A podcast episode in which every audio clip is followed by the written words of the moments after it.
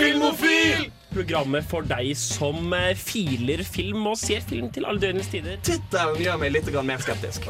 Vi bare gir det 40 år nå, så spiller de en Schindlers liste med lykkelig slutt. Så vi får se. Men da har vi en sammenligning mellom Ja, ja, ja. Mike Hansburger og Tom Cruise. Bare altså, liksom, synopsiset, for dette er kanskje det mest Tim Burton jeg har hørt om okay, på lenge. Okay. Du hører på Filmofil på Radio Revolt. Hasta la vista, Ja. baby. Hei og velkommen hit til eh, kveldens eh, sending av Filmofil på Radio Revolt. Mitt navn er Sunniva Langhoff, eh, og jeg skal lede dere gjennom kveldens sending. Med meg i studio har jeg på teknikk. Henning. Eh, nederst i hjørnet her, Anna. Og ved siden av meg. Emil. Men først skal vi høre en låt. Vi skal høre 100% Fist med Sinsen Fist. Tunge ting, de løser vi så lett. 100 fist, 100 fist. Kan få fasit, vi har alltid rett. 100 fist. Hei og velkommen tilbake hit til Filmofil på Radio Revolt. Eh, vi har med oss to gjester i studio i dag. Kan ikke dere introdusere dere selv? Uh, ja, hei. Jeg heter eh, Anna. Dette er første gang jeg er med på sending, så jeg er veldig spent. Det er ikke første gang vi hører Anna. Hvis du hører i introjinglen vår, det er hun som sier 'du hører på radio'. Nei, hva hun sier Du hører Du på hører på Filmofil Filmofil. på Radio Revolt. Det stemmer. Så jeg er egentlig med hver sending, så Ja, jeg er ganske erfaren, for å si det sånn. Ja. Ikke din første gang, med andre ord. Nei, Nei. ikke Men, det hele eh, tatt. Det er Emil sin første gang, da. Det er det. Det er det. Mm. Ja, Hvordan føles det? Det føles eh, nervepirrende, altså. Absolutt. Kjenner på det nå. Vi er bare noen tusen følgere, tror jeg, Ja, som hører på live. Mm, bare Noen tusen. titusen på podkast. Ja, okay. Ja, Bare noe noen sånt. tusen. Gull. Noe sånt. Det er ikke så veldig mange. Eh, vi skal begynne uh, sendingen i dag med å snakke litt om hva vi har sett siden sist. Ja. Og da kan jo du begynne, Henning. Ja. Vi kan begynne å nevne at det er ei Film og chill-sending. Ja, det er det også. Ja, så det blir ikke noe overordna tema, eller noe sånt, men uh, vi skal bare snakke løst og fast om film vi har sett. Mest fast, da, Ja, kanskje. ja mest fast. ja, nei, film jeg har sett. Jeg har uh, Store deler av juleferien, juleferien min har gått på Breaking Bad. Jeg har sett det på nytt igjen. Så jeg er på starten av sesong fire nå. Er det noen av dere som har sett det? Jeg har sett det tidligere, men det er Det sånn er fire år siden. Ja, jeg, Jeg så det med en gang sesong fire hadde kommet ut, for da Ja. var jeg sånn, nå kan jeg se alt og slippe å vente. Ja, for det var det jeg også gjorde. Når sesong fire var ferdig, tror jeg. Da begynte jeg å se det, så nådde jeg igjen sesong fire akkurat idet sesong fem starta. Så så jeg episodevis. For det var en pause med til sesong ja, fem, tror jeg. Å ja, det er fem sesonger, ja. Ja da, Ja, da det fem, begynte ja. jeg etter fem sesonger. Å ja, ok. Sånn. Nei, Mm. så jeg fulgte serien da, hele femte sesongen. Hva syns du denne gangen, da? Det er fortsatt dritbra, faktisk. Eh, jeg har jo alltid sagt at jeg må se det i hvert fall en gang til, men eh, jeg har liksom Jeg har prøvd å utsette det for å på en måte resette, eller glemme serien, sånn at jeg kan få oppleve den på nytt. på en måte Og det fikk jeg. Jeg har også skikkelig lyst til å se den igjen, egentlig, men det er litt sånn derre For det første så er det litt ork. For jeg husker Ja. fortsatt såpass friskt hva som skjer. Sånn ikke alle hendelsene, selvfølgelig, men sånn overordna så husker jeg Ja. hva som skjer. Og så tenkte jeg sånn OK, men da kan jeg jo se Better Call Soul isteden. For jeg tenkte det er sikkert dri dritlættis. Jeg digget jo han i Breaking Bad. Mm. Men jeg har liksom aldri klart å sette meg inn i den serien. Jeg så sånn to episoder, og så bare nei. Og så så jeg to episode, de to samme episodene på nytt, og så var det sånn Nei. nei. så jeg kommer liksom aldri videre med Breaking Bad, da. Nei. Nei, det er, samme, det er samme for meg. Jeg prøvde Breaking, eh, Better Call Saul, men, men det beit aldri. Ja. Men jeg kan anbefale å se Breaking Bad på nytt. Det som overraska meg, var at jeg følte at jeg hadde fortsatt kontroll på historien. på en måte Men jeg, var, jeg husker alle stykkene, men jeg husker ikke rekkefølgen. på en måte Så du ble fortsatt tatt på senga. på en måte så skjedde, for du tenkte oi, faen, det var nå det skjedde. Okay. Og så er det litt sånn Jeg har også skikkelig lyst til å se det, fordi sånn den gangen så Jeg var jo interessert i film, Mm. men for det første så var det ikke Jeg hadde ikke lest så mye om serien, jeg visste ikke så mye om hva den handlet om, mens nå så har jeg lest meg opp så mye, da, i ettertid, at jeg liksom har lest om sånn ting som går igjen, eller eh, hvordan de filmatisk fikser ditten og datten. Og jeg har så lyst til å se den og se om jeg liksom legger merke til eh, liksom, hvor bra de har lagd den, da, Mm. egentlig. Fordi det er særlig cinematografien i Ja. seriene som er så bra. Alle film i ja, Måten hele serien er gjort på, egentlig. Ja, jeg har aldri sett Breaking Bad. Jeg har sett første episoden eller noe sånt. Og alle sier jo hele tiden at du må se Breaking Bad. Og jeg husker bare at jeg syns det var så trist. Og jeg ble så irritert over hvor kjipt livet var, liksom. Så da følte jeg at eh, jeg måtte ta en liten pause fra det, og så kom jeg bare aldri tilbake til det. det var for trist. til å Ja, det var altfor trist. Eh, jeg var litt sånn Eneste grunn til at jeg begynte på det, fordi at jeg også syntes det var sånn åh nei, dette her er kjipt. Men eh, jeg begynte på folkehøyskole, og jeg kom fire dager før alle andre elever. Eh, det var jo ingen som bodde på skolen. Jeg var på en skole for 80 mennesker alene i fire dager.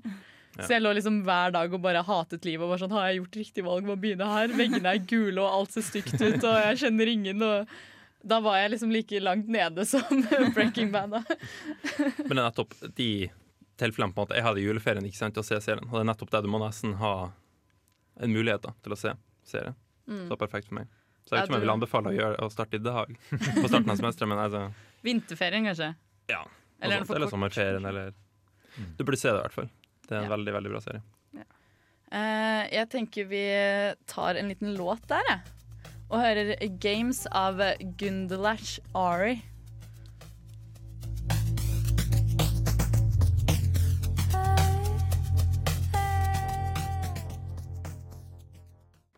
Dette er Filmofil, og vi snakker fortsatt om ting vi har sett siden sist.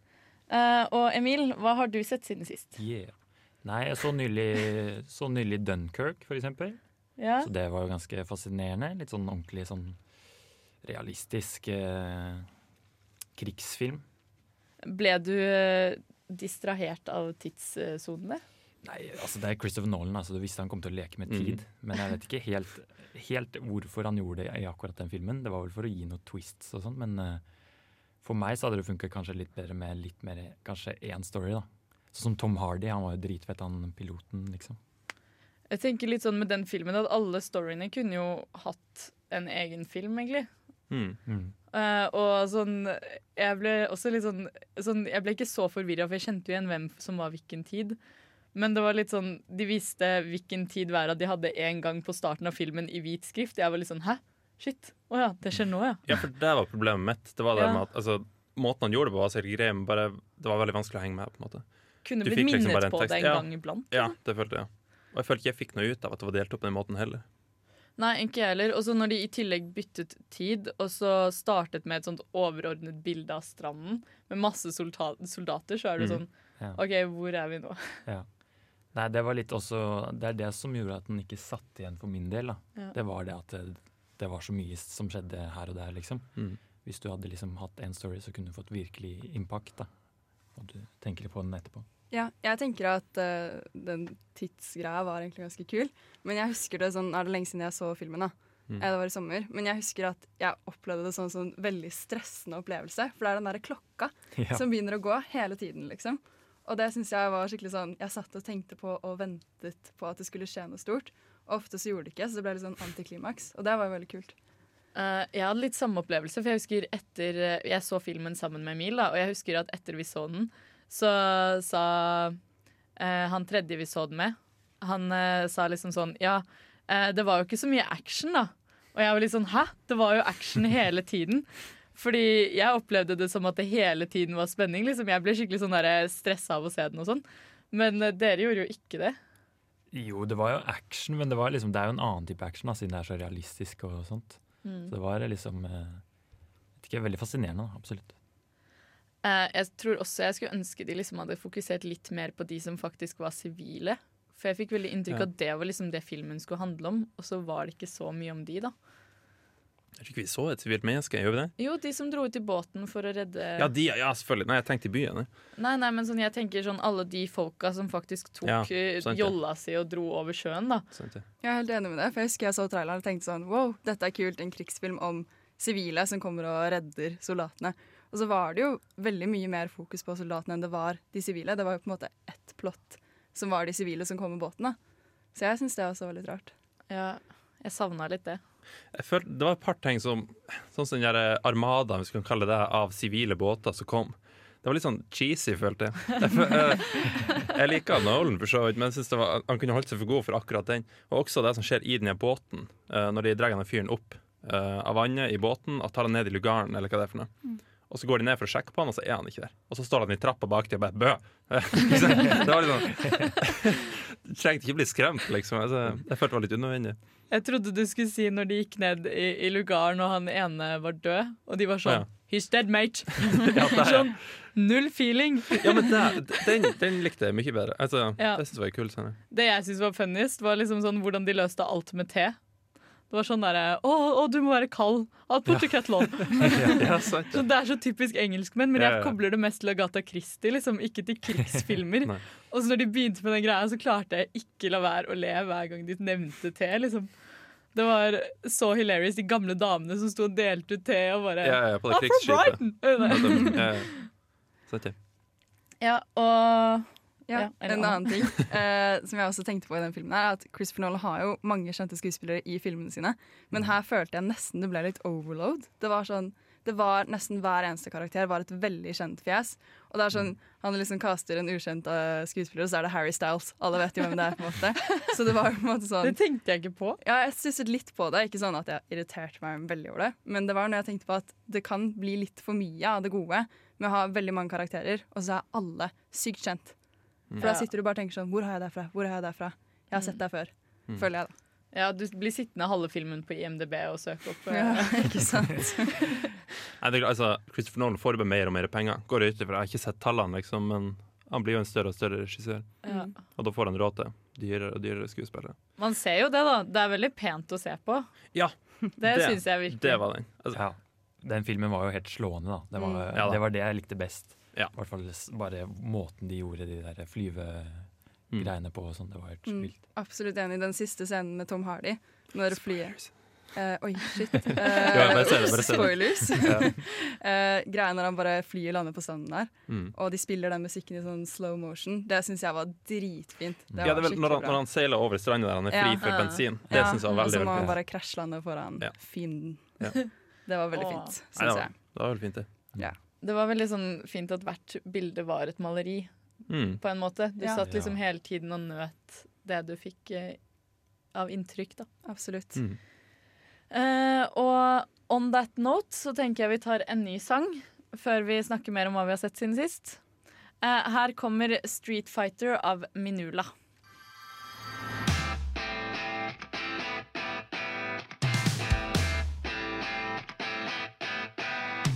Nå har jo både Emil og Henning fått delt eh, hva de har sett siden sist, eh, over et helt eh, stikk, så da må jo nesten Anna få lov å gjøre det også. Ja, takk for det. Eh, I jula så har jeg sett eh, ganske mye film, men eh, moren og søsteren min er veldig glad i romantiske komedier. Så jeg skal ikke ta dere gjennom det. Det er tenker jeg. mye av det i jula, da. Ja, det er mye av det i jula. Eh, jeg har sett den nye sesongen til Black Mirror. Eh, ja, og den var veldig bra, syns jeg. Eh, nå har jeg sett alle de første sesongene også. Eh, og jeg syns også det har vært veldig bra, men det her syns jeg var noe helt nytt. da. Eh, man merker jo veldig at serien har blitt stor. Veldig mange flere kjente skuespillere osv. Og, så videre, og så er det hver episode er som en hel spillefilm. Og det er jo egentlig veldig kult.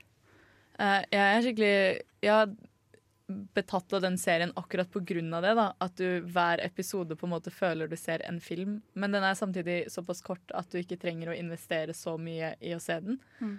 På en måte. Det går jo ganske fort. Uh, men jeg var litt sånn Den nye sesongen syns jeg kanskje var litt nedtur, egentlig, på noen punkter, da.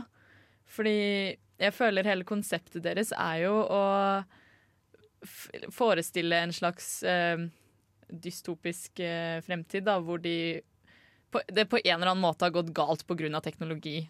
Og så følte jeg sånn for eksempel første episode denne sesongen. Det var jo ikke noe sånn derre Det var ikke noe sånn dritskummelt eller sånn 'å, æsj, å, det kunne skjedd med meg'-følelse, sånn som jeg pleier å få. Det var bare sånn Ja, dette er litt lættis, da. og det ble så sykt sånn annerledes enn hva jeg forventet, da. Jeg likte veldig mange av de senere episodene, men akkurat den første var litt sånn tafatt start, da. Følte jeg. Jeg er faktisk litt uenig der, fordi jeg syns den første episoden var den ekleste. For det var bare så fælt, det der spoilers, at du på en måte kan havne i et univers, og så er du stuck der. Og så har du denne drittsekken som bare lar alt gå utover deg for sånne kjipe ting ditt alternative jeg gjør i virkeligheten. Da. Det Er synes ikke jeg det, er ikke det USA og Trump nå? Ja, ja, sant. Mulig. Han ligna litt med håret. Ja, sånn, enig. Det var faktisk det jeg tenkte på også. Men jeg syns den var veldig ekkel. Jeg synes eh, den episoden i en av de tidligere sesongene som heter White Bear, som handler om eh, på en måte sånn derre eh, rettsforfølgelsen av en kvinne som på en måte har Mm. drept barn, da. Det syns jeg er den absolutt ekleste episoden jeg har sett eh, på Black Mirror, og den her syns jeg nesten målte seg, liksom, med den. ja. Serr? Ja. Ja, Du sier noe, da. Men eh, jeg, jeg var litt sånn Jeg syns den med barneovervåkningen var den Ja. ekleste nesten denne sesongen. For det er så realistisk. Barn blir Nei, altså de blir jo overbeskyttet mye mer enn før, da. Mm. Og det å ta opp det der hvordan foreldre får tilgang på mer og mer måter å overvåke barna sine på, da. Og griper tak i dem, fordi de er jo selvfølgelig redd for barna sine. Det er så lett felle å gå i, da. Og så går, kan det gå så utrolig galt. Mm. Jeg begynte å se Black Mirror for noen dager siden. To, jeg tror to dager siden så første episode. Etter det har sett liksom, når jeg får muligheten. på en måte. Så jeg har sett det ut til Jeg har sett første halvdel av første episode i sesong to. Så jeg har sett hele sesong én, og der eh, Det var jo kjempebra. Blant annet, som du sa, det var veldig ubehagelig å se på. Jeg syns første episode, der var Mm. statsministeren som blir, eh, som blir pressa Ja. til å gå på live TV og pule en gris for eh, at ja, ja, okay. Og det, det han blir trua med, da, det er at uh, en eller annen fiktiv prinsesse da, i England skal bli eh, drept. Så hvis han gjør det her, så skal han bli redda. Fordi de mener han er en gristype, da. Eller altså de Ja, folka ja, bakgrunnen vet du ikke, men, men jo. Ja. Det er noe sånt, ikke sant? Men det var, det var visst veldig veldig ubehagelig å se på. Og jeg, jeg, det er ikke sånn at Selvfølgelig det er ekkelt at en, en, en mann skal pule en gris, men det kunne ha blitt gjort på en måte hvor jeg liksom bare tenkte æsj, ja, ja. Sånn liksom. Men det er noe serien får til, føler jeg. Hvor det virkelig går inn på deg. Ja. det er Kanskje at du blir kjent med fyren, og du får se reaksjonene hans og reaksjonene til folk rundt. og sånn. Det er et eller annet de gjør rett, sånn at det virkelig går inn på deg. Ja, jeg syns også denne episoden er dritbra. Det var derfor jeg begynte å se på det. Fordi den var utrolig, utrolig ja, gjennomført, da. Uh, ja, det er liksom litt sånn Det er jo det at de har det så realistisk uh, typ som en fremtid, da. Mm. Og drar inn nok av uh, emosjonelle ting og sånn som gjør at det faktisk fungerer på den måten det gjør.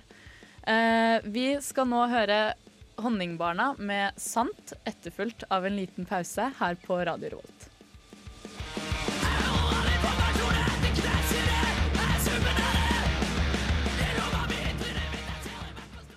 For et program i burra med både klasse og stil. Du hører på Filmofil. Filmofil her, altså, på Radio Revolt. Eh, vi snakker faktisk eh, fortsatt om ting vi har sett siden sist. Og vi kan jo bare plukke opp der vi slapp før pause, egentlig, med Black Mirror. Gjør det Ja.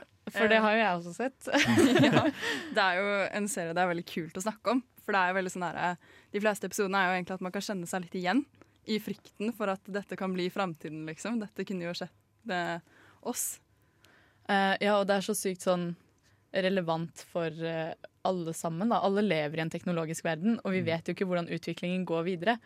Og den kan jo ende opp som en av episodene i Black Mirror. Mm. Ja, jeg er jo litt grønnkolling på, på Black Mirror, men uh, jeg lurer litt på hva er liksom appellen ved å se på noe som er ubehagelig? Tja. Er et godt spørsmål.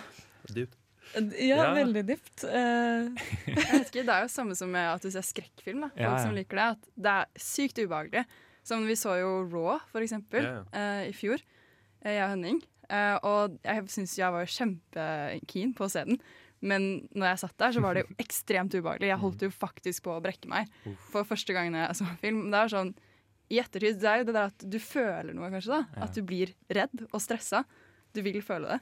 Og så tenker jeg med Black Mirror så er det også det derre lille nysgjerrigheten med hva som kanskje kan skje, da. Fordi sånn, selv om det alltid skjer dritting i Black Mirror, og du sitter der og er redd og uh, dypt berørt, så er det jo fortsatt sånn at du vil jo vite hva slags ny teknologi som kanskje kan komme, da. Det er noe med den appellen der også, i den serien i hvert fall. Jeg tenker også at Det handler litt om å se hva mennesker er i stand til å gjøre uten å selv skjønne at det de gjør, er veldig feil. Sånn på en måte, Mange av episodene handler litt om hvordan de behandler kriminelle. Eh, og sånn, og Det er sånn, det ser jo helt forferdelig ut, og de blir behandlet helt elendig. og Det er jo ikke riktig i det hele tatt. Men i serien virker det som alle mennesker på hele jorden tenker at hei, dette er jo akkurat det vi burde gjøre. Og så sitter du der og tenker det her er jo helt fucka, de kan ikke gjøre dette, liksom.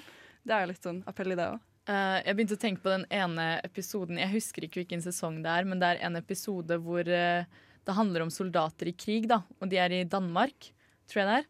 Og de eh, alle de slåss mot, er, er infisert av et sånt zombiemiddel. Så de driver og angriper dem hvis de møter på dem. Og selvfølgelig, hvis du blir angrepet av noe, så forsvarer du deg, ikke sant? så du skyter dem. Eh, og så utover da, så skjønner du på en måte mer og mer at det er noe galt, men du skjønner liksom ikke helt hva som er galt. Og det blir veldig sånn derre. Og så innser du plutselig at å ja, men de er jo ikke egentlig zombier, disse menneskene. Det er bare fienden til de soldatene. Og de er på en måte kontrollert, eller jeg husker ikke om de har en chip eller hva det er, som gjør at for dem så ser alle fiender ut som zombier. Ergo så ser de ut som folk som Mm. prøver å drepe deg, da. Ja. Fordi det som er med den episoden, sånn spoiler, er jo liksom at han, når han får alle disse minnene da, om at han har skutt og drept alle disse folkene, så for han ser sånne ekle kakerlakkmonstre, liksom, så ser han plutselig mennesker da, i alle minnene sine. Ja. Av liksom barn. barn, ja, foreldre som står og forsvarer barna sine og sånn. Ja, Og de angriper han jo ikke, de prøver Nei. å si hjelp, liksom. Ja, de prøver å snakke Men- med han, og han hører bare sånne her kakerlakklyder, liksom. Ja, Så han blir jo helt ødelagt i hodet når han skjønner hva han har gjort, på en måte. ja. Og ingen av soldatene vet jo om det her i det hele tatt. De tror jo bare at de dreper zombier. For det er nettopp det her som er så bra med han, tror jeg, det er at du, du tenker at det er egentlig ikke så langt unna. Altså Hvis teknologien går en viss vei, liksom, så skal det liksom ikke så mye til. Det, det er noen, noen ganske, ganske drastiske skritt som må til i utviklinga, sånn som de chipene, og at Ja. noe skal kunne påvirke hjernen din, og sånn, sånn at du ser noe annet enn det som egentlig er der. Men det er ikke så langt unna, føler jeg. Og det er litt det som, som gjør at det føles nært. På en måte. Enig, for det er jo også en episode i ikke denne sesongen, men forrige, som handler om overvåkning, og sånne eh, sier at biokolonien har dødd ut. Eh, og så kommer de med en ny biokoloni som har muligheten til å overvåke mennesker og styres. Så det her går jo i feil retning. da, Noen tar jo kontroll over byene og begynner å angripe folk med dem. Og det syns jeg er kjempeekkelt, for jeg kan jo tenke meg at plutselig kan det sitte noen bak en skjerm med liksom en stor biokoloni og bare drepe folk, liksom. Det er jo ganske skummelt. Men jeg føler også noe med det der at du aldri vet hvor langt inn i fremtiden de velger å gå heller. Eh, gjør at det blir ganske spennende, fordi noen episoder er sånn OK, dette ville jo aldri skjedd. Eller sånn derre Å ja, vi lever bare i en uh, sånn oppdiktet verden, alle sammen, liksom. Eller sånne ting, da, som er sånn helt sånn far out for meg, da. Mens i den ene episoden i den nye sesongen var det for eksempel uh, det, det eneste på en måte nye teknologien de hadde, var jo sånn eh, små datamaskiner som kunne lese minnet til folk. Så du fikk på en måte en ting plassert i panna og, eller på kjeven. Og så ble liksom minnene dine lastet over, da. Og de var akkurat like ukorrekte som minner er. Så det var sånn Du kunne korrigere de og sånne ting da, personlig. Eller ikke huske ting eller detaljer. Og det var bare sånne glimt av minner. Og de computerne, eller PC-ene, de så liksom ut som sånne der PC-er fra 2000-tallet. Sånn der en grå liten boks. Det Svær skjerm. Ja, det var, helt sånn, det var en boks, liksom. Det så helt ut som bare en miniatyr av en sånn PC fra 2004 eller noe. Som folk gikk og bar rundt på. Da. Det var jo ikke alle som hadde, det var politiet og sånn eh, Forsikringsselskap. forsikringsselskap og sånn, ja.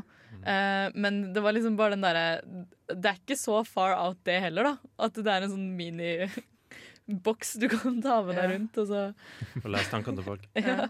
Det som var ganske kult med den maskinen her også, er at f.eks. for eksempel i krimsaker så kunne denne maskinen kobles på f.eks. husets katt eller marsvin.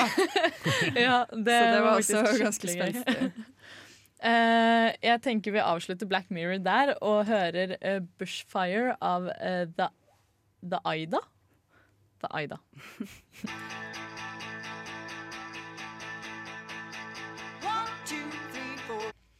Eh, nå har vi jo snakket en del om hva vi alle har sett siden sist. Og da kan vi jo kanskje snakke om noe som alle har sett siden sist. Så vi kan jo snakke om eh, The Last Jedi. Den Ja. eh, burde jo de fleste ha sett by now. Alle her har i hvert fall sett den, Ja. så vi har noe å snakke om. Eh, hvis du ikke har sett den, så jeg kan ikke love at vi ikke spoiler noe, men eh, Det må jo bli noe eh, Ja, snakk om plott, i hvert fall. Ja, det må det. Det må det. Vi skal ikke nevne hvem som dør og sånn. Dør det nå? Nei. Nei. Eller kanskje. kanskje. Ja. Hvem vet. Uh, ja, uh, så The Last Jedi kom jo ut rett før jul, og vi har jo ventet mm. på den ganske lenge nå. Uh, og var det så bra som vi håpet? Hvem vil begynne? ja, jeg syns det. Jeg synes det var veldig, veldig spennende å se at Ryan Johnson turte å ta sjanser i en så svær Hollywood-film. Det er liksom ikke så ofte, da. Det var veldig forfriskende. Håper det blir en trend i Hollywood. Ja, jeg er helt enig i det med liksom Det var virkelig et forfriskende pust inn i eh, inn i Star Wars, liksom. Fordi de har holdt seg på samme plan utrolig Mm. lenge nå. Uh, og det å få inn mye mer sånn cinematografisk fine skudd og liksom Ja, det var skikkelig pent å se på. Men det eneste som jeg var litt skuffet over med det, da, var at de ikke turte helt å koble det med det tacky-delen av det. For jeg syns det ble litt for lite tacky. Det var liksom to tacky overganger på tre timer, og da var det sånn derre uh, Og så når uh, OK, det er en liten spoiler, men uh, når man får se Yoda eh, Mm. Jeg skal ikke si hva Yoda gjør, men når man får se Yoda, så syns jeg liksom sånn derre det var litt for pent å se på Yoda. da Han var litt for pen å se på til hva han burde være. Ja, det tenkte jeg også på. Jeg syns han så, han så Jeg synes rett og slett ikke han så bra ut. Han så litt ut sånn som han gjorde i prequels. Altså episode 1 3 Ja. etter de, etter de edita den etter Mm. release. Ja, samme. Jeg syns ikke han så bra ut i det hele tatt. Nei, og det var litt sånn derre eh, Fordi det er jo Star Wars. Den tacky delen av det er Mm. Star Wars. Og så det er kjempefint med friskt pust og alt mulig, men du kan ikke ta vekk det som på en måte er essensen av se en eh, filmserie, da. Og jeg tror også det kunne vært utrolig tøft å prøve å koble tacky og filmatisk veldig pent å se på.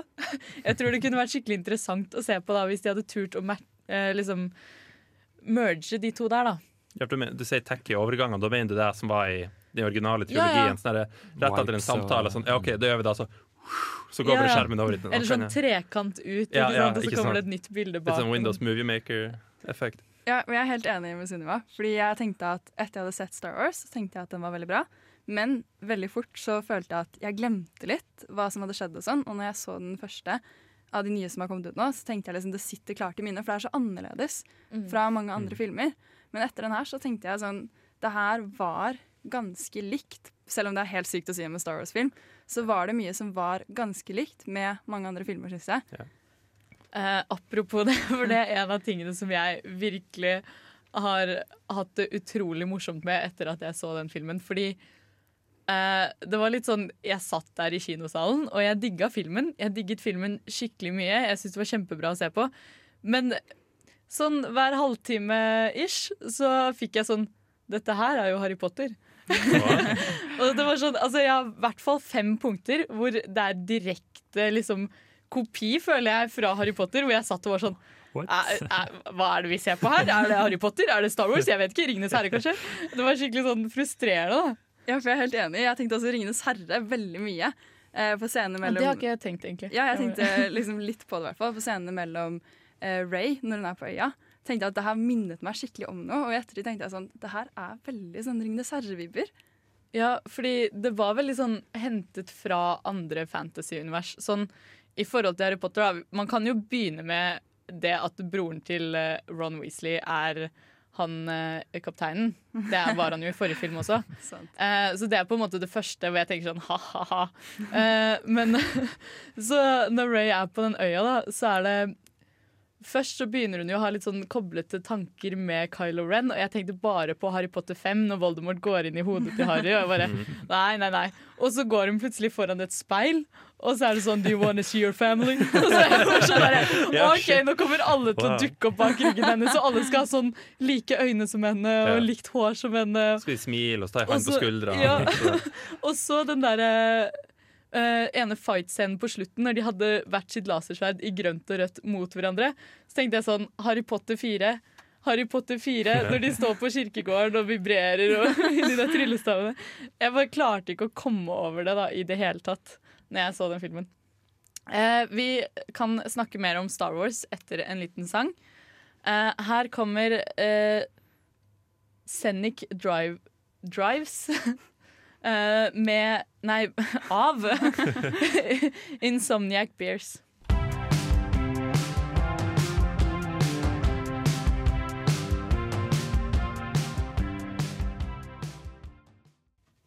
Eh, før låta så hørt, snakket vi jo om eh, den nye Star Wars-filmen. Og vi kan jo bare oppklare først at da Anna sa den første filmen, så mente hun The Force Awakens. Altså, den første i den nye trilogien. Ja, Ja, Det var det. Ja. Så hun mente ikke den første sequelsen, og ikke den aller første som kom. Men nei. ja, først av de nyeste. Eh, men jeg følte ikke vi ble helt ferdig med å snakke om den, for det er jo liksom den største filmen som Ja. har kommet på lenge. Ja. Eh, så vi kan jo egentlig bare starte opp igjen der vi slutta. Jeg har et par ting jeg har lyst til å ta opp. Jeg satt eh, tidligere i dag og åpnet et Word-dokument, og jeg skrev litt liten side. punktvis. punktvis. Skal jeg, jeg skal bare ta noen kjappe ting. Det var, det var så mange scener hvor jeg liksom gjorde sånn pff. Jeg syntes det var teit, rett og slett. Det var sånn som uh, han eh, Luke uh, i ei scene. Uh, det er noe røyk rundt han, og så detter røyka ned. Og så ser han skikkelig sånn hei, hei ut, og så bare børster han av skuldra si. Det var ingenting. Så jeg syntes det var så teit. Så ut av, eh, ut av hans karakter, på en måte. Lagde du den lyden i kinosalen? Ja. Jeg kasta popkorn på skjermen. eh, Uh, jeg er litt enig, da. Det var litt sånn der, Eller det er litt sjarmen med Star Wars, det også. Da. De litt sånn ja, det egentlig det? Jeg tror det var litt mer Mark, Mark Hamill enn det var Luke Skywalker, egentlig. Ja, det, det, der, tror, men det, det der konflikten for meg oppstår med nye Star Wars-filmer, og grunnen til at jeg aldri kommer til å like den særlig, tror jeg, det er at enten så går de bort fra Star Wars uh, føler langt bort fra, sånn som dere, dere børster på skuldra, ikke sant? Det syns jeg var teit. Uh, for, jeg jeg syns det er teit fordi de gikk bort ifra karakteren hans. ikke sant? Men hvis de bare holdt seg til hans karakter, så hadde det blitt kjedelig. ikke sant? Ja. Og da har det kommet samme kritikk som det kom av Force Awakens. At, «Åh, men det er jo bare A New Hope. Det er vel den den kritiserer for å kopiere. Altså den første i den originale trilogien. Så det er litt, enten så detter i den gropa, eller så detter i den gropa. Det blir dårlig uansett, føler jeg. Jeg tenker også at det er mye av grunnen til at eksempel eh, Carrie Fisher Eller at de lagde sequels, da. Når de lagde sequels, og ikke lagde Nei, jeg mener At de lagde prequels når de gjorde det. Ja, når, at de lagde prequels da de gjorde det. Mm. Fordi at folk ikke skulle gå lei av å på en måte se de samme karakterene uten Ja. for mye utvikling. Ja. Og nå når de gamle karakterene er tilbake, så føler jeg det er så sykt viktig at de har hatt en utvikling i mellomtiden. da Eller at de på en måte faktisk eh, har noe ved seg. At de ikke bare blir sånn tomme skall. Ja. Sånn 40 år etter er jeg fortsatt Luke Skywalker. Ja, det er faktisk et godt poeng. En Mm. ting er at det du ser om at uh, i prequels ikke sant, så fikk du nye karakterer, og du fikk noe helt fresh i samme, på samme lerretet. på en måte. Den nye trilogien som skal komme etter den her er ferdig, da, den kommer i et helt parallelt univers, kan du kalle det. Altså, det skal ikke være noe til felles. Det skal bare være samme verden og helt bort fra Skywalker-historia. på en måte. Så det har jeg mer trua på, faktisk. Jeg Ja. føler at den er liksom ferdigspilt. den Skywalker-historia. Men jeg syns også at de nye filmene har vært flinke til å dra inn nye karakterer, selv om de fortsatt har de gamle karakterene fra de aller første filmene. da. De har jo latt oss liksom bli kjent med Ray og med Poe og Ja, og Eh, Finn. ja, de, Finn- de tre er kule. så. Finn er så sykt jovial. Altså. Yeah. Men, Men ja, du blir liksom faktisk Du får tid til å bli kjent med de selv om du liksom skal være glad for å se de gamle. da. Så jeg Mm. syns de er veldig flinke på å føre det videre på en måte.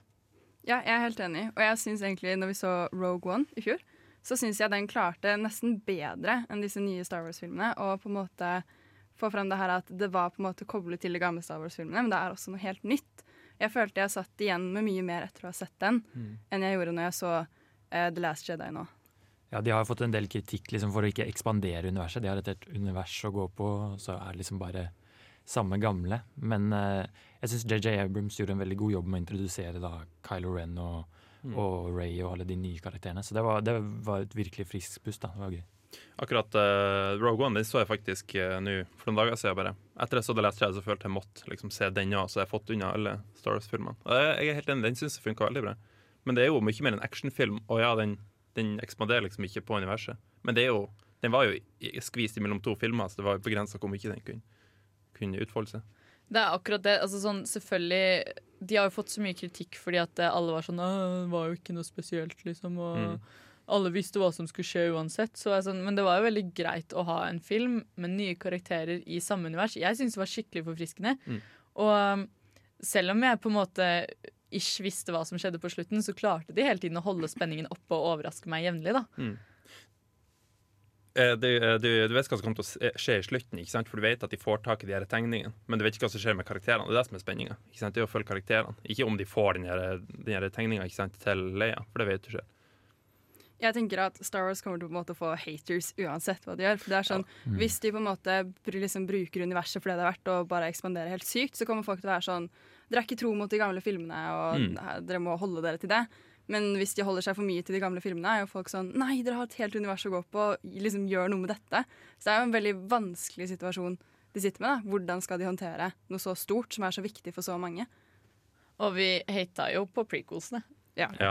når de prøvde å gjøre det. Så what can a good eh, man do? Eller girl, for Ja. så vidt. Uh, jeg tenker vi avslutter eh, Star Wars der, uh, og hører List of People to Try and Forget About av eh, Tame Impala.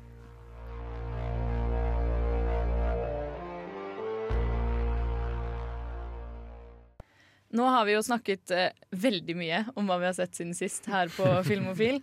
Eh, og jeg tenker det er jo viktig at vi også tar opp eh, litt ting som har skjedd i det siste. For eh, på søndag så eh, var det jo Golden Globes, og det er den første store film- eller, og serieprisutdelingen som eh, kom i USA nå etter Weinstein.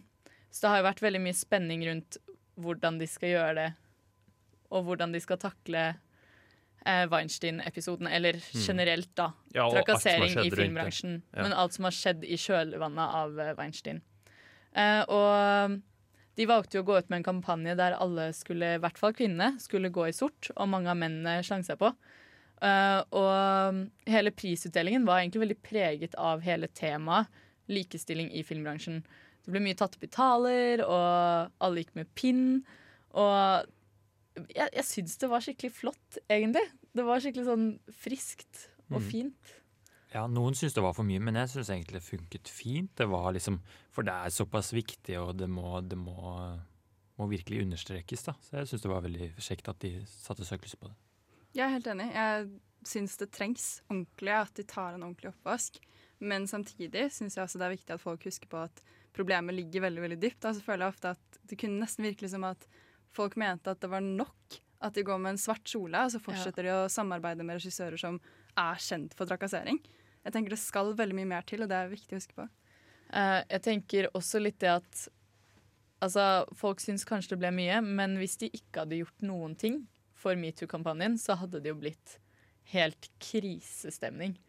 Så uh, en sånn ting som å gå i svart kjole, eh, det er virkelig helt OK for å ta et standpunkt, syns jeg, da. Ja, absolutt. Det er jo ikke for mye i det hele tatt. Og om Opera har lyst til å snakke om eh, likestilling, så er ikke det noe nytt. Så det er ikke sånn, folk burde jo ikke bli overrasket over det. liksom.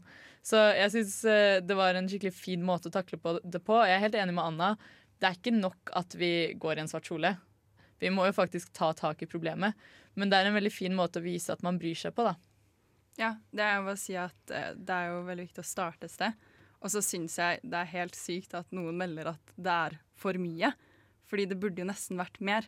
Man ser jo hvor stort problemet er, og hvor lenge det har vart. Og da syns jeg det er veldig viktig at man faktisk sier ifra da, og viser at dette ikke er greit. Og det syns jeg de klarte veldig bra. Eh, det er også veldig fint at eh, veldig mange av mennene faktisk eh, stilte opp. Eh, men jeg har blitt litt sånn jeg, ble, jeg ble litt overrasket i går da jeg leste avisen og så at uh, James Franco var anklaget for tre, fra tre kvinner da, yep. om overgrep etter å ha stått og støttet kampanjen på søndag med pinn og i helkledd eh, sort dress. Og han vant jo pris og alt mulig, så han holdt jo faktisk to taler der oppe. Eh, og så går det liksom to dager, og så er det sånn Hei, vi, vi ser deg fortsatt, da. Ja, for det er det jeg tenker at det er veldig mye dobbeltmoral i Hollywood. Jeg tror det er utrolig mange som satt der og tenkte og kanskje var litt stressa fordi de av mennene da, som husker at de har gjort ting, og det kommer kanskje til å komme ut. Og da tenker jeg så går de opp og har en tale er sånn at det er veldig dårlig med seksuell trakassering, og så har de på en måte gjort det selv, da. Men, men så føler jeg samtidig sånn der, hvis de sitter der og tenker sånn Å, shit, hun dama jeg tok på rumpa den gangen. Så kan de ikke liksom komme ut med det nå heller. De kan ikke være sånn Å, forresten, jeg tok en dame på rumpa en gang. Beklager for det. Hvis hun liksom har lagt det bak seg, eller bare i den forstand at de vil jo liksom bli helt sånn slakta hvis de først går ut med det nå, da. Mm. Det er, at det er så selvfølgelig det er, det er mange menn i den salen som ikke sant, går med svart dress og pinn og alt sånt, som har gjort mye verre ting enn en andre menn i Hollywood da, som, som kanskje ikke møtte opp ikke sant, av det her. Ser jeg for meg i hvert fall. Jeg vet ikke om det er spesifikke personer, men, men det er mye hykleri, vil jeg tro. Ja, jeg tenker at sånn som i politikken nå, så kommer det til å komme ut veldig mye mer etter hvert. For nå er det et ganske åpent miljø for å anklage folk for ting. Og så tenker jeg sånn at man må Det er vanskelig, fordi hvor skal du på en måte sette grensen på hva som er trakassering, hva er ikke greit, og hva er en tabbe i fylla for liksom 15 år siden, da. Ja, det er det eh, metoo-kampanjen har fått litt kritikk for det. Den liksom blurrer linjene på hva som er seksuell trakassering og ikke. Du kan liksom bare legge ut et Facebook-innlegg, og så er du blitt seksuelt trakassert, liksom. Men, eh, men det er jo veldig mange virkelige hendelser, og det er litt sånn Mm. Man skal ikke ta vekk bare på grunn av det, liksom.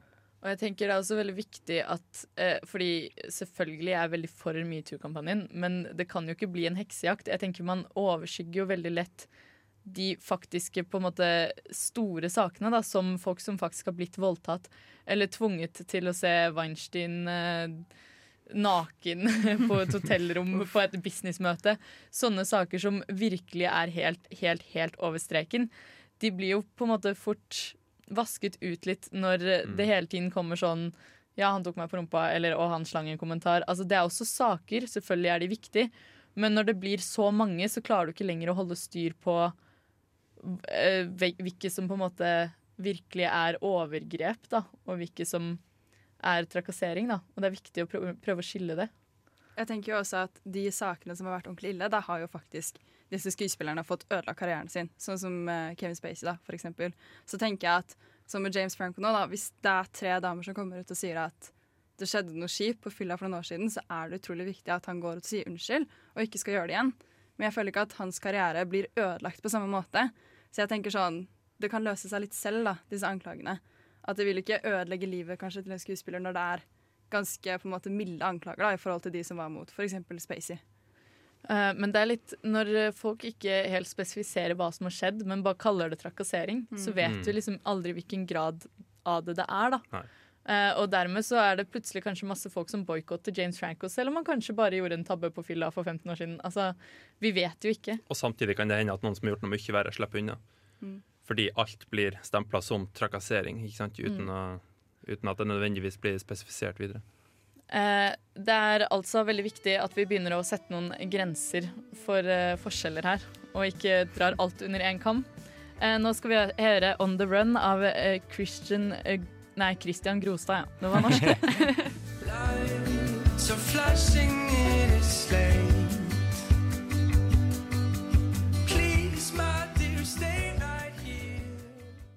Nå rota vi oss jo litt eh, bort fra Golden Globes og inn på seksuell trakassering i Hollywood her. Så vi, vi burde jo også snakke litt om eh, prisene som ble delt ut på søndag. Fordi Golden Globes er jo en veldig stor eh, og prestisjetung eh, prisutdeling. Eh, og vi, vi kan jo begynne med James Franco, siden vi var så godt i gang med han. Eh, han vant jo beste komedie eller musikal eh, for The Disaster Artist. Både som beste film og som beste mannlige skuespiller. Mm. Um, Nei, nei, tror ikke han vant beste film. Eller? jo, jeg tror den vant beste komedie eller musikal. Skal se. Rask, eh, sjekk. Her står det 'Marvelous Miss uh, Maisel', faktisk. Det er, Eh, that's too bad. Nei, For unnskyld, Disaster Artist er jo en fantastisk film. Unnskyld, det rotta meg bort. Jeg så på feil. Jeg skal finne uh, uh, eh, eh, Nei, det var Lady Bird som ja. vant. Lady Bird. Disaster Artist var nominert, men jeg Ja. vet ikke. Ok. Men, Men det, eh, han vant jo i hvert fall for beste mannlige hovedrolle, da. ja, det gjorde han. Og jeg har sett et klipp Jeg har sett et bilde på, det gikk på Facebook sånt, av eh, selveste Tommy Wiseau som er oppe på scenen med James Franco og Dave Franco. Mens James Franco fikk en pris, var det det hvor han fikk beste mannlige skuespiller? Det var det. Det var det, Okay. Uh, og vi kan jo begynne med å si at Disaster Artist, uh, som da vant beste mannlige hovedrolle for komedie eller musikal, uh, er en film om hvordan de lagde The Room, som er en film fra 2004, tror jeg. Uh, hvor en fyr da, som prøver å slå gjennom i filmbransjen, eh, Tommy Wiseau, eh, bestemmer seg for at ok, han klarer ikke å slå gjennom i filmbransjen, han lager sin egen film. Eh, han har skrevet manus på den filmen selv, han har regissert den selv, han spiller selv hovedrollen i filmen, og den er ikke særlig god. Jeg tror den er klippet av han òg. Den er jo det, helt sikkert. Ja. Og Eh, produsert. Ja. Ja, absolutt. Han, eh, ingen vet jo hvor han har penger fra, ingen vet noe om Tommy vi så, men han har lagd denne filmen, og den har blitt kjent som den dårligste filmen Den dårligste, beste dårligste filmen noensinne. Eh, Eller dårligste, beste film. Ja. Ja. Ja, altså, det, er veldig mange, det er blitt en sånn kultklassiker, på en måte, fordi den er så elendig, rett og slett. Ja. Og alle har hørt om den og sett scener fra den og sånn nettopp fordi den er så ræva dårlig. Og den har fortsatt fulle visninger over hele verden Ja. når den settes opp. Ja, de har nattevisninger i USA hvor de kaster jeg tror de kaster skjeer på skjermen Oh, ja. Fordi Tommy Wiseau har i bakgrunnen plassert små bilder, innrammede bilder, liksom, med bilder av skjeer I boligen Ja, sin i i filmen. boligen sin, Ja, istedenfor portretter av vanlige mennesker, ja, som en vanlig person er. Det ser ut som han bare har kjøpt inn bildene på Ikea og så bare glemt å ta ut Ja. Ja, ja, ja, bildene som var der. Liksom. Jeg tror også jeg har hørt at folk eh, tar med en amerikansk fotball og står og kaster Ja, ja. ja. det, fotball er, det spiller jo en utrolig stor rolle i den filmen. Og røde roser er også en greie. Ja. Men uh, James Franco har da valgt å lage en film om hvordan hele denne produksjonen ble til, basert på en bok av han som spiller birollen i filmen. Mm. Greg Sestero heter han. Ja. Uh, og filmen eh, handler da egentlig bare om hvordan de ble kjent, og hvordan de begynte på filmen. Og hvordan hele produksjonen var Mm. frem mot premieren. Det er som et studie av Enigma Tommy Wiseau, egentlig. For han er litt av en karakter. Ja, men det er veldig spennende, for de klarer å gå denne balansegangen hvor de liksom De gjør narr av det, men ikke, de er ikke slemme, liksom. Det er, det er utrolig morsomt å se og le av Tommy Wiseau, spilt av James Franco, men, men det, er ikke, det er ikke stygt, liksom. Det er ikke noen parodi eller eh, Det er ikke ondt, liksom. Eh, jeg også ble sånn, For jeg er veldig stor fan av både The Room og James Franco. eh, frem til nylige hendelser. Eh, men det var litt sånn Da jeg så den på kino, så merket jeg for det første at det var veldig få i salen som hadde sett The Room. Og da var jeg litt sånn Hva gjør du her? Fordi du kan ikke liksom le av det på samme måte når du ikke kjenner scenene de spiller inn i filmen. da Eller når du ikke vet hvordan Tommy Wiseau er som person. Og det ødela virkelig litt kinoopplevelsen. Jeg skulle ønske jeg var der med liksom fullpakket sal hvor alle var helt 100% med. Og den andre tingen som eh, jeg ble litt skuffet over, var litt sånn Ja ja, den var ikke det var, det var egentlig litt trist, tenkte jeg da jeg var ferdig. Men i ettertid så har jeg egentlig tenkt at det var skikkelig nydelig at den var sånn trist, for de klarte å blande hele den der feelingen og humoren av Tommy Wiseau, og hvor merkelig han egentlig er, med på en måte den triste følelsen av å være ensom og det å ville ha en venn i verden. Eller det å føle at du ikke kan svikte en venn i verden. Og det å ikke bli forstått av hele omverdenen du lever i. da. Jeg ble utrolig rørt. Og så når jeg tenker tilbake på at neste gang jeg ser den, så kommer jeg sikkert til å grine. Jeg vet det på forhånd. Uh, ja, nå har ikke jeg sett uh, verken The Room eller The Disaster Artist. Men uh, jeg syns uh, Jeg leste en artikkel da, nå nylig om eh, karakterene, altså bikarakterene, som ikke er Tommy Wiseau. Mm. Eh, og det er jo egentlig litt trist, fordi det endte med å ødelegge karrieren til eh, alle de andre som spilte den filmen. Mm. Så her kommer det fram at hun er godeste forloveden til Tommy Wiseau, eller Future Wife, som vi kaller det, endte jo opp med alkoholproblemer, og alt gikk jo rett i dass for henne. og sånn. Så det er jo egentlig litt trist, selv om det er veldig morsomt. Uh, Greg Sistero har jo fått en stor karriere etter den filmen. Ja. Eh, og Tommy Wiseau, for så vidt. Eh, altså, han har jo vært på Golden Globes. Nei, men, eh, men eh, Greg Sestero har jo faktisk eh, fortsatt å jobbe med Tommy Wiseau. De har jo lagd flere filmer sammen i ettertid. Eh, de kommer faktisk med en ny film i år, tror jeg. Som heter ja, Best Friends Friend. med en R i parentes, så det er fiends, ikke sant? Best fiends. Eh, Oh. Ja. Med noe sånn bilrace og skikkelig actionfylt. Jeg gleder meg til den. Eh, og han har jo skrevet bok, og han turnerer jo over hele verden. ja, for han har vært i Norge ganske nylig. Han kan Ja. eksistere med boka si. I fjor var han i var ja. Stavanger, og jeg hadde så lyst på roadtrip. Ja, for Er det noen som egentlig vet hvor rik Tommy Wiseau har blitt på det her? For han, Det som han finansierte filmen med, var jo altså penger som ikke noen vet hvor kommer fra. Og, Det, jeg tror det er teorier eller røkter om hvordan han fikk de pengene fra. For det som er Tommy Wiseau til en dag i dag, så selger han undertøy. Altså han selger boksere. Og det kan du kjøpe på nettet, liksom. Eh, Og eh, teorien er da at han solgte eh, undertøy svart. Han fikk det importert til USA, og så solgte han det svart. Og sånn han fikk penger til filmen sin. For det var han investerte ganske mye penger. Jeg har også hørt at det var Det var klær, men jeg visste ikke at det var Jo, jo. Et- Ja, det kan vært andre klær, men det tror jeg var stort sett så undertøy for hva, seks millioner dollar? Ja, altså han hadde The, The Room kostet seks millioner dollar Ja. Oh my. Og de, han sier jo også det i filmen, sånn, han eh, fyren som liksom er kameramann, eller hva han er, da. Han går og skal løse inn lønnsslippen sin i The Disaster Artist. Og så er han sånn ja ja, jeg vet ikke om det er noen penger på den kontoen. Han, ha, ha. Eh, og han fyren bare jo jo, vær så god, liksom, her har du et par tusen dollar, da. Og han bare what? Og så kommer han tilbake til liksom eh, Tommy så da, og han er sånn Money's not a problem. Sjukt. Ja, det er faktisk helt sjukt. Seks millioner dollar. Ja. Sånn Men den har gått i pluss da med ekstravisninger og DVD-salg. Så DVD-salg. Blu-ray, da. Ja, og Blu-ray. Begge deler. Den, de filmet jo hele filmen i både eh, både digitalt og på filmrull. What? Med to kameraer ved siden av hverandre. Det koster jo dobbelt så mye penger. Ja, ja. Um, men eh, tilbake til Golden Globes, så var det jo også utrolig artig at eh, Tommy Wiseau var med James Franco på scenen. For det første Tommy vi så gjorde da han kom opp på scenen, var jo å prøve å gå og ta over James Francos takketale. Oh. Og jeg visste ikke heller om jeg hadde lyst til at han skulle få lov å snakke eller ikke. Og James Franco var sånn nei, nei, nei. Og så tok han mikrofonen selv, og Tommy vi så sto jo bare der hele tiden og smilte, og alle visste at han hadde egentlig lyst til å si Snakke to timer om livet sitt, liksom. Ja. Ja, jeg tror det var for alles beste at han liksom ble stoppet fra å si noe. For det hadde kanskje vært underholdende, men det hadde vært veldig fælt å se på. Ja, stakkars Tommy. Ja. Både at han fikk stå der, og at han hadde lyst til å snakke. Ikke sant? Det bare Men jeg ble veldig ingenting. glad for at han fikk stå der, egentlig. Fordi han har jo drømt om det hele livet, og på en måte være anerkjent som filmskaper. da. Ja. Og The Disaster Artist er jo en hyllest til han i mye større grad enn det er en, på en måte noe negativt om han. da. Jeg lurer på om han i det hele tatt skjønner at folk på en måte syns at The Room er skikkelig skikkelig dårlig. Så med tanke på at de faktisk har laget en helt ny spillefilm nå, som er nominert til Golden Globe og sånn, om I denne komedie. filmen. Ja, hvis, du ser, hvis du ser filmen, så får du en liten pekepinn om hva han tenker om det. Det er liksom morsomt. Mm. uh, and on that note uh, skal vi høre 'Running Forward' med Doppla.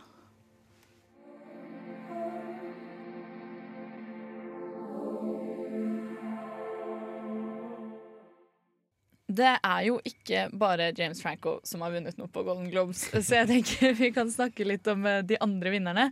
Og du har ganske kål på det, Ning, for du er jo fast nyhetskorrespondent til vanlig. Selvfølgelig. Men jeg må innrømme at jeg har jukselapper. Jeg er inne på goldenglobes.com. Eh, jeg ser på blant annet Big Little Lies har gjort det veldig bra. Eh, Det er jo veldig fortjent. Ja, den har jeg ikke sett noe av, så det vet jeg egentlig ikke noe om. Apropos seksuell eh, trakassering, den burde folk se. Oh, ja. Ja, Den er jo spesiell også fordi det er Reece Witherspoon og Nicole Kidman som startet prosjektet med Lagen, tror jeg. Eh, og det er jo noe som Reece Witherspoon har snakket mye om. At eh, for henne å starte alene i filmindustrien med å produsere filmer har vært veldig vanskelig. Og det er på en måte med tanke på at hun er kvinne. da. Så jeg tror det var en stor seier for mange med tanke på at de to sto bak den. da. Ja, og det er veldig imponerende også at de faktisk har eh, gjennomført noe så bra som det, da, når de egentlig er skuespillerinner. Og de spiller jo begge to i den, og det er jo også utrolig mange andre kjente fjes i den, da. Og de ble jo stort hyllet for både beste mannlige hovedrolle, tror jeg det var. Beste kvinnelige hovedrolle, beste kvinnelige birolle fikk de jo. Uh, og jeg satt der og var bare så lykkelig på deres vegne, fordi den kjemien de har sammen på den serien, er helt utrolig. Ja, for både Nicole Kidman og Reece Witherspoon ble nominert til beste uh, skuespillerinne i TV-serie. Og både uh, hun Shailene Woodley og og hva er det hun heter? Hun Laura Dern? Ja. Ja. De to ble jo begge nominert til beste kvinnelige birolle, så de fightet jo om Mm. den Laura folk Dern. de kjente, da. Laura Dern vant det, Ja. faktisk. Og Nicole Kidman vant den, vel. ja, ja. Ja, for jeg føler faktisk den serien her Jeg så den nå når den kom ut, eh, og jeg syns den var utrolig bra. Eh, det var en skikkelig skikkelig flott og gjennomført serie, og den fortjente virkelig den prisen her. Og jeg syns liksom det er imponerende at du kan være skuespiller og egentlig ikke ha så veldig mye erfaring med det å stå bak da, og produsere en serie. Og så klarer de å gjennomføre det såpass bra, og så er det så god kjemi mellom alle karakterene. Og alle er så flinke skuespillere. Jeg klarte nesten ikke å se han derre Hva er det han heter? Sønnen til Kielland Skarsgård. Alexander. Alexander, Alexander. Ska eh, Skarsgård. Mm. Eh, altså sånn, jeg klarte nesten ikke å se han på scenen eh, på Golden Globes, for han vant jo for beste mannlige hovedrolle. Mm. Um, etter å ha sett den serien hvor han er så brutal. For han var liksom så søt og snill. Men jeg syns også det er utrolig viktig å ta opp noen av de andre seriene som har vært. Fordi veldig mange av seriene i år er noen av de beste seriene. Altså De er virkelig på favorittlisten min over serier. Og jeg syns det er helt utrolig at så mange gode har kommet med så kort mellomrom. da Eh, For både Handmaid's Tale vant jo. Vant den ikke? Jo, den vant. Jo, jo, jo. Eh, ja, eh, for beste, beste drama eh, i TV-serie.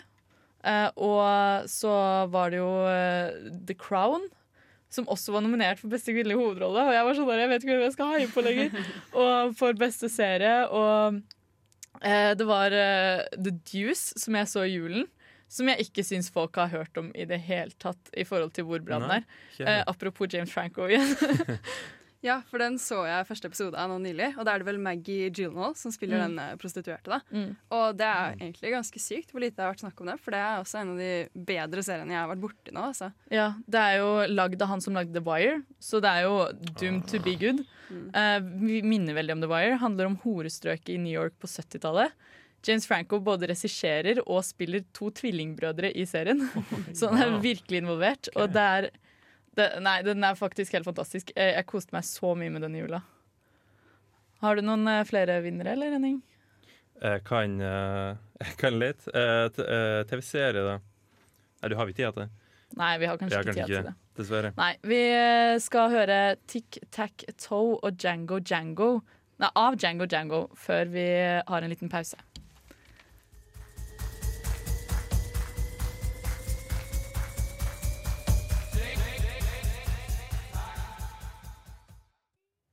Ja, Golden Globe har jo akkurat vært, men vi har jo også ting å se frem til eh, fremover. Fordi det er jo ikke sånn altfor lenge til Oscar-utdelingen. Eh, og Golden Globes pleier jo ofte å være en liten pekepinn på hva som kommer til å bli nominert og eventuelt vinne på Oscar-utdelingen. Så hva tror dere skjer fremover nå?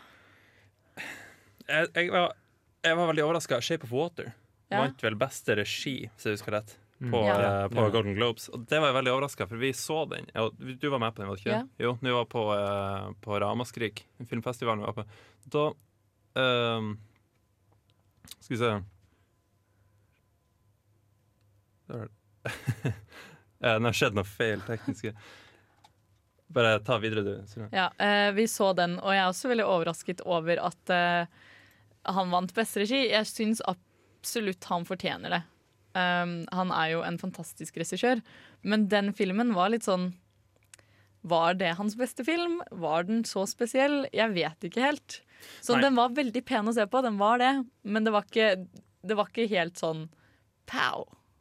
Beklager det stoppen der, det var noe som skjedde. Men nå har jeg fiksa det. Nå er alt eh, i orden igjen. Men eh, eh, hva skal jeg si? Jo, jeg var veldig overraska, for det, det er nettopp det. Den, var, den hadde noen, noen kule ting ved seg. Spesielt altså, måten de så på det monsteret som kaller det Aquaman-fyren. ikke sant? Så veldig kult. Men jeg hadde ikke så mye mer av jeg hadde ikke så mye mer av det. Men jeg tenkte, noe som har vunnet beste regi på Golden Globes, må i hvert fall bli nevnt på Oscar. Ja, og, men jeg tror også Shape of Water ligger an til å bli nominert i veldig mye på Oscaren. Sånn eh, Ja, kostyme, for eksempel. Ja, kostyme. kostyme. eh, som, de har jo et fantastisk kostyme, for de har ikke bare brukt eh, eh, CGI. Nei, nei. De har faktisk en mann i en drakt, og så har de lagt på CGI oppå der igjen. Så alt du ser, er jo ekte. Mm. Eh, nesten, i hvert fall. Mest. Ja. Mest av det er ekte. Og det gir en helt sånn annen feeling, så jeg tror i hvert fall kostyme og sminke kommer til å bli tatt opp på Oscaren. Ja, og Og beste kvinnelige hovedrolle også, kanskje. For det, hovedrollen er jo stum, og det å spille en stum og virkelig få så mye sympati fra publikum, det er vanskelig. Mm. Ok, det, det er faktisk sant. Det, ble litt overtalt. Ja, hun møter jo god konkurranse da, til å vinne best, um, best female actress, eller hva det nå heter. Det, det er mange gode kvinnelige performances. Vi har jo Three Billboards Outside Ebbing, Missouri. Hva heter hun da? Frances McDormand.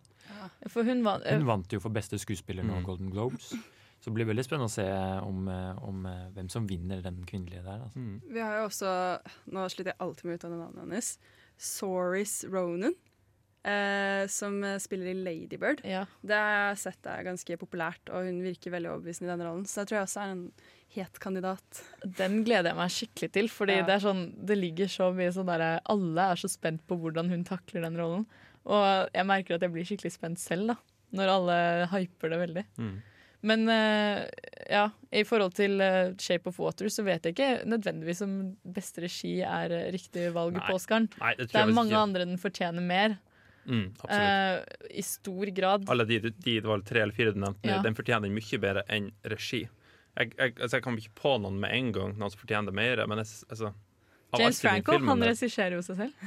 Ja, Nei. Nei, av, alt, av alle ting den filmen kunne vinne for, så var det ikke regi. Nei. Tenkte Det var veldig rart. Men helt sånn kostyme Jeg tenkte også kostyme for hele filmen, på en måte. De er satt i 60-tallet, eller sånn kalde krigen-æraen, ikke sant? Og det var veldig overbevisende. Det syns jeg var veldig kult. Uh, jeg har også lyst til å nevne at uh, Get Out ble nominert til beste komedie. Uh, jeg, jeg skjønner ikke det. Ja, det, det, det alltid blitt kalt en komedie, men jeg, uten at jeg skjønner det, for jeg flirte ikke den eneste gangen. Altså, ok, Jeg vet at jeg er litt hyklersk nå, jeg har ikke sett filmen. eh, men Henning har vært og anmeldt den tidligere eh, da den kom ut. Og vi har jo snakket mye om den i ettertid. Og alle inntrykkene jeg får av den, både fra traileren og fra Henning, har egentlig vært sånn derre Oi, dette er creepy, dette her kommer til å være skikkelig skummelt. Og så blir den nominert til beste komedie. Og så er jeg litt sånn, er det bare fordi de ikke har noe sted å plassere skrekkfilmer? Uh, og ja, Er ikke, er ikke skrekkfilm en kategori? nei, Nei. ikke på Golden Globes. Ja, for jeg hørte det var snakk om at dette er den første skrekkfilmen på veldig veldig lenge da, som har nådd såpass langt, og så er den nominert til komedie. Så sitter jeg og ser på Golden Globes og bare «Ah, Har du gjort en feil, liksom? Det er mye mer drama enn det er komedie. Ja. Hvis du skal vise inn noe sted, så heller drama. Og så er det litt Akkurat sånn, den, også sånn der, Jeg føler det blir litt dumt, fordi her er det en skrekkfilm som handler om rasisme, da. Og så er det sånn ha-ha!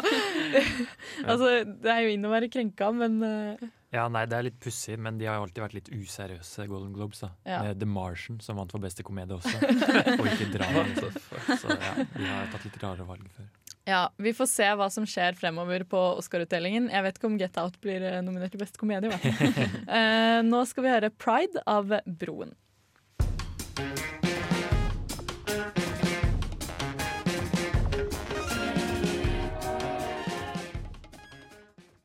Men i forhold til Oscaren, da, dere.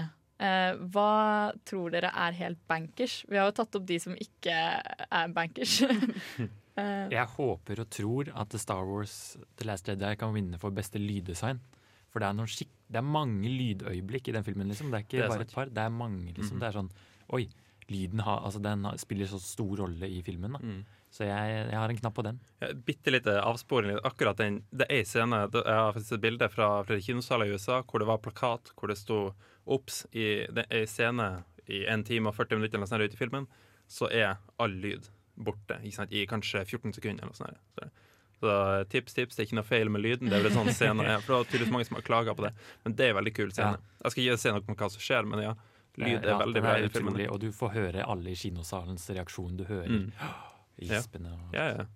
Eh, apropos det, uh, det er veldig bra de sier ifra om det, da. Fordi da jeg så, da jeg så Rogue One, så hadde de Vi så vanlig kino, uh, og så hadde de plutselig sånn 3D-effekt på.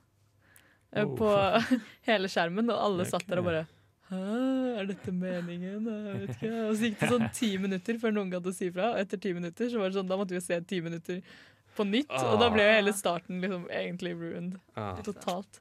Så jeg er veldig for det, da. Ja da. Men andre bankers eh, på Oscarene? Jeg, jeg, jeg tror det er med uh, Shape of Water. Beste skuespillerinne. Hun Ja. ligger uh, ikke dårlig an, i hvert fall. Nei, og hva er det hun som spiller uh, birollen igjen heter? Det husker jeg ikke. Uh, åh, men hun er jo kjempekjent. Eh, hun er det, da. Hun er alltid sånn sassy lady. Ja, ja, Uh, og hun også tror jeg kommer til å bli nominert for beste kvinnelige birolle. Uh, fordi hun var veldig sånn De hadde en så god kjemi, de to. Jeg vil nevne en liten ting. Hun er, hun er svart og dame, hun er veldig Jeg følte hun var veldig typisk den sassy black woman. Den stereotypen, på en måte. Og en sånn stereotyp syns jeg ofte er veldig irriterende. Men akkurat den filmen her funka det veldig bra. Faktisk. Så et eller annet hun gjør rett, eller kanskje Men hun del er Toro god på den rollen. Ja. Sånn, jeg, jeg også blir ofte irritert av den, men hun er god på den. ja. Ja, jeg tror kanskje Shape of Water kan ta med seg flest priser, fordi det er så mye. ikke sant? Den har veldig god musikk, sies det. Veldig godt kostymedesign, som dere Mm. var inne på. Og godt skuespill. Mm. Så det Og visuelle effekter. Ja, ikke sant. I det i tillegg. Eh, og Ja, selv shit. om storyen ikke er sånn sykt nyskapende, så er det jo det som gjør den filmen nydelig. Mm. For jeg likte den veldig godt, selv om Mm. jeg visste hva som kom til å skje til enhver tid. Hva tenker dere om Dunkerque, da? Tenker dere at den kommer til å få noe Den må jo få noen tekniske eh, priser, kanskje, men jeg tror ikke, ikke så mye annet. Beste foto, kanskje? Ja, noe sånt. Det er jo folk som snakker om at det blir best. Best picture og sånn. men ja. Jeg håper ikke. Nei, nei. Må jeg likte den ikke så godt. Men jeg blir alltid litt skuffa over det på Oscaren, hvem som blir nominert til Best Picture. Sånn Nesten Mm. alltid, i hvert fall. Eh, 'Moonlight' syns jeg fortjente virkelig. Men, ja. uh, og det var mange gode i fjor, men det er veldig ofte at jeg tenker sånn De filmene her er alle sånn helt like, egentlig. Og så er det bare sånn de har byttet ut situasjonen, liksom. Eh, det er samme historie som blir fortalt. Eller, altså, det er den derre Oscar-oppskriften, da, hvor du bare baker sammen, liksom, putter inn den ingrediensen og putter inn den ingrediensen, og så vet du den blir nominert. Ofte Tom Hanks. Det er det Weinstein er god på. Ja, Det er liksom ofte den Oscar-oppskriften. Sånn der, hvordan bli nominert til beste film. Det føler jeg nesten finnes. At folk kan lage en film som bare er skapt for å være nominert til Oscar. Ja, det er det jeg lurer litt på, om de tør å ta og nominere Wonder Woman eller eh, Logan, den derre X-Men eh, Wolverine-filmen. Om de faktisk tør å Fordi de to er jo Det er gode filmer, liksom. Så det er ikke noen grunn til at de ikke skal bli nominert. Men de tør jo aldri å ta Nei. superheltfilmer. Åh, håper ikke The Post tar med seg alt, med, med Steven Spielberg og Tom Hanks. og den- Jeg gleder meg litt til den, da. Ja, jeg syns det er litt typisk at eh, det er kanskje litt upopulært, men de som vinner beste film på Oscarene, syns jeg ofte har vært veldig kjedelige. Ja, Ja. det er jeg enig i. Helt enig. Og jeg egentlig har litt en knapp på Eller jeg vet ikke om den kommer til å vinne, for jeg har ikke sett den. Men jeg håper Three Billboards Outside Ja. Missouri Mm. um, en- Nå sa jeg det litt feil. Jeg husker ikke Three helt. billboards outside Ebbing, Missouri. Ja, der, er ja. Takk. Eh, jeg håper virkelig at den i hvert fall blir nominert, for sånn Ja. i forhold til klippet jeg har sett fra den, og hva Emil uh, her har fortalt mye, om den. den er, det er mye morsomt. Det er, eh, det er mye drama. Det er utrolig gode karakterer. For det handler jo egentlig om en mor som datteren blir savnet, eller Hun- blir hun myrdet. Hun blir voldtatt mens hun blir drept. Ok, oi. Oi. Og så, og så omtaler folk den som morsom, da. Ja, og da er jeg sånn Ja. Yes. Så det, nei, det, var, det var en veldig, veldig interessant spi- film, og litt sånn annerledes, men som jeg likevel tror kan dra med seg noen Oscar. da. Mm. Ja, jeg, jeg, har, jeg fikk i hvert fall veldig lyst til å se den, og jeg håper eh, den i hvert fall kan få noen nominasjoner. Da. Jeg håper faktisk Get Out. Ja. Faktisk, Jordan Peel, tror jeg han heter. Han Ja, som regisserte. Ja. Jeg elsker han fra eh, hva heter Keen Peel, Ja. den Comedy Central-serien. Ja. Kjempeartig. en Veldig artig fyr. Men jeg håper virkelig at han i hvert fall blir nominert. Ja. Det er kult å se han med noen priser. Jeg er faktisk helt enig. Jeg syns Get Out var dritbra. Jeg hadde veldig, eller ingen forventninger, egentlig, men jeg ble litt satt ut av hvor gjennomført ordentlig den er. Så har jeg også et intervju med regissøren hvor han snakker om sånne der eh, easter eggs i filmen. Og det var også sykt gøy. Eh, og da kan vi jo faktisk ta den for det det er, og det er jo ikke en komedie, i hvert fall. Nei. Eh, nå skal vi høre 'Bruces' eh, av Magnus Beckmann. I don't care anymore. Nå har vi jo snakket litt om Oscar-oppskriften her på Filmofil. Eh, og en ting som overrasker meg, er egentlig det at nordmenn aldri, aldri klarer å ta den. da. Fordi sånn, vi har jo tydeligvis greia på hva du trenger. Eh, og hvorfor har ikke norsk filmbransje det? Vi blir jo aldri nominert til noe. Uh, har dere noe troa på noen av filmene fra i år, fra Norge sin side? Den tolvte mann, for eksempel. Ja. Altså, folk kommer jo til å hype opp Den tolvte mann, tenker jeg. Det er jo den største filmen i år, og den har jo fått utrolig mye positive tilbakemeldinger. Og norske folk elsker den jo, for du blir jo kjempepatriotisk av å se på den. Ja, Skikkelig men- stolt av å være norsk. Det er liksom greia til Norge, da. De elsker norske krigsfilmer om motstandsbevegelsen under andre verdenskrig. Og så er det sånn det er ikke kanskje, altså sånn, Alle andre land har jo sin egen motstandsbevegelse å fortelle om. Så er det så interessant å alltid nominere krigsfilmene til liksom Norges bidrag til Oscar. da. Altså, jeg husker når uh, Kongens nei kom ut, så drev alle snakka om at det var så patriotisk. Og, sånn, Og den var så liksom, men- fantastisk. Ja, For det første så var det ikke jeg, så bra film, og for det andre så var det ikke særlig patriotisk heller. Det var bare en konge for to generasjoner siden som gikk rundt og «Æsj, Det var vanskelig. Han tok jo et valg for landet, da. Det gjorde han. Ja, ja. Jo, jo, for så vidt. Men jeg synes ikke det var, det var Dramaet nådde liksom aldri toppen, syns jeg. Nei, for jeg syns det er faktisk skikkelig provoserende med norsk film. At det er egentlig ganske mye bra norsk film, Mm. men det er sånn som 'Kongens nei' og 'Den tolvte mann', hvor folk bare Wow, det her, det her er Manus. dritbra, liksom. Ja, Max Manus. Og så er det egentlig sånn Ved Max Manus er det utrolig mye du kan kommentere, i hvert fall når det kommer til å være historisk korrekt. Ja. Eh, jeg har jo sånn pro vært provosert over det her i mange mange år. Og jeg tenker vi har andre krigshistorier. Hvis dere absolutt vil ha krig, så har vi andre ting å fortelle om. Det var jo mange, mange hundre eller tusener av jøder i Norge som ble deportert. Hvor mange kom tilbake fra Auschwitz? Det var åtte stykker. 30, Altså, 30 et eller annet. Var det 30? Ja, Ja, ok. 32 Men eh, 36. uansett, da. Eh, det er aldri Jeg har aldri hørt om en norsk film om eh, norske jøder. Akkurat det med jøder i Norge, det er en veldig trist historie. Det egentlig det at eh, alle, alle arkiver sånn som dokumentert norsk uh, utsendelse av jøder, det ble sletta. Altså, folk brant og fjerna, de skamma seg. ikke sant? Så det finnes nesten ingen arkiver som beskriver jødeutryddelsen i Norge. Ja, fordi det finnes jo utrolig mange dokumenter på sånn som Jan Baasrud. da. Ja. Sånn som det er. Ja. Han har jo på en måte sittet og fortalt denne historien og igjen og igjen og igjen og lever veldig på det her. da. Men nå skal jo den tolvte mann faktisk få, for at de har med hele to eller tre minutter med samer. Så det er ikke bare norske folk og tyskere her. En ting med Den tolvte mann som irriterte meg, jeg synes det, var, det var en bra film. Det synes jeg. Det blir ikke noe Oscar, men jeg synes det var, det var bra. Det var norsk. Men en ting som virkelig provoserte meg, da, at i starten av filmen så er det helt svart, ikke sant? og så er det sånn exposition, sånn tekst i starten. Ja. ikke bolster, bla, bla, bla. Og når den exposition er ferdig, så kommer det på tekst eh, Det mest utrolige i den filmen her er det som er mest sant, står det.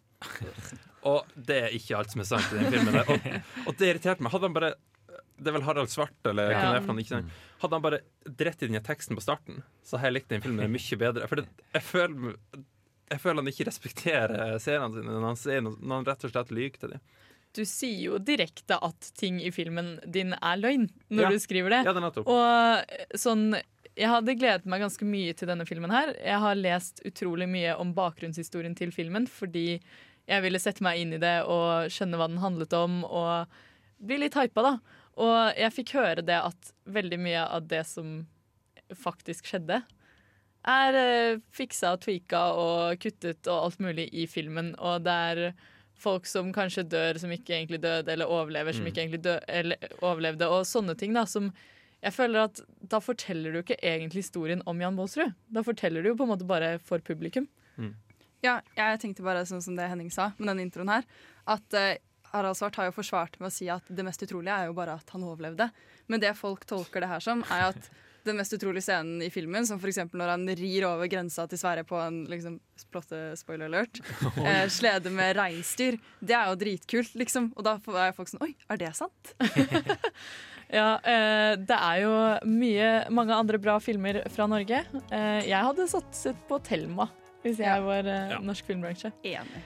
Her skal vi høre ett sekund av Johannes Holtmann her på Filmofil.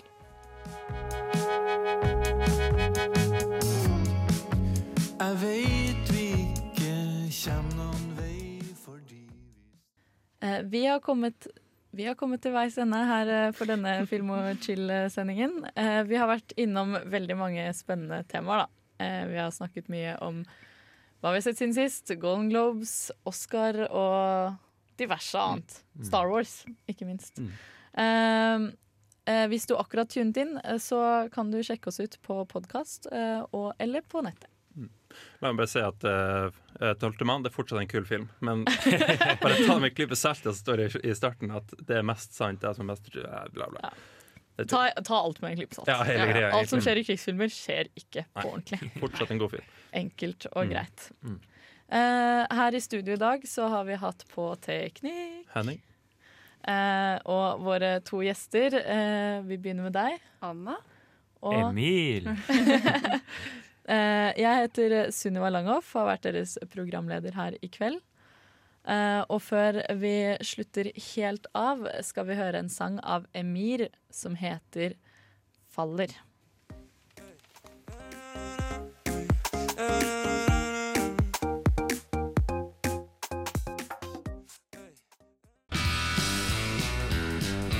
Du lyttet nettopp til en podkast fra Radio Revolt. For å høre flere av våre podkaster, gå inn på radiorevolt.no.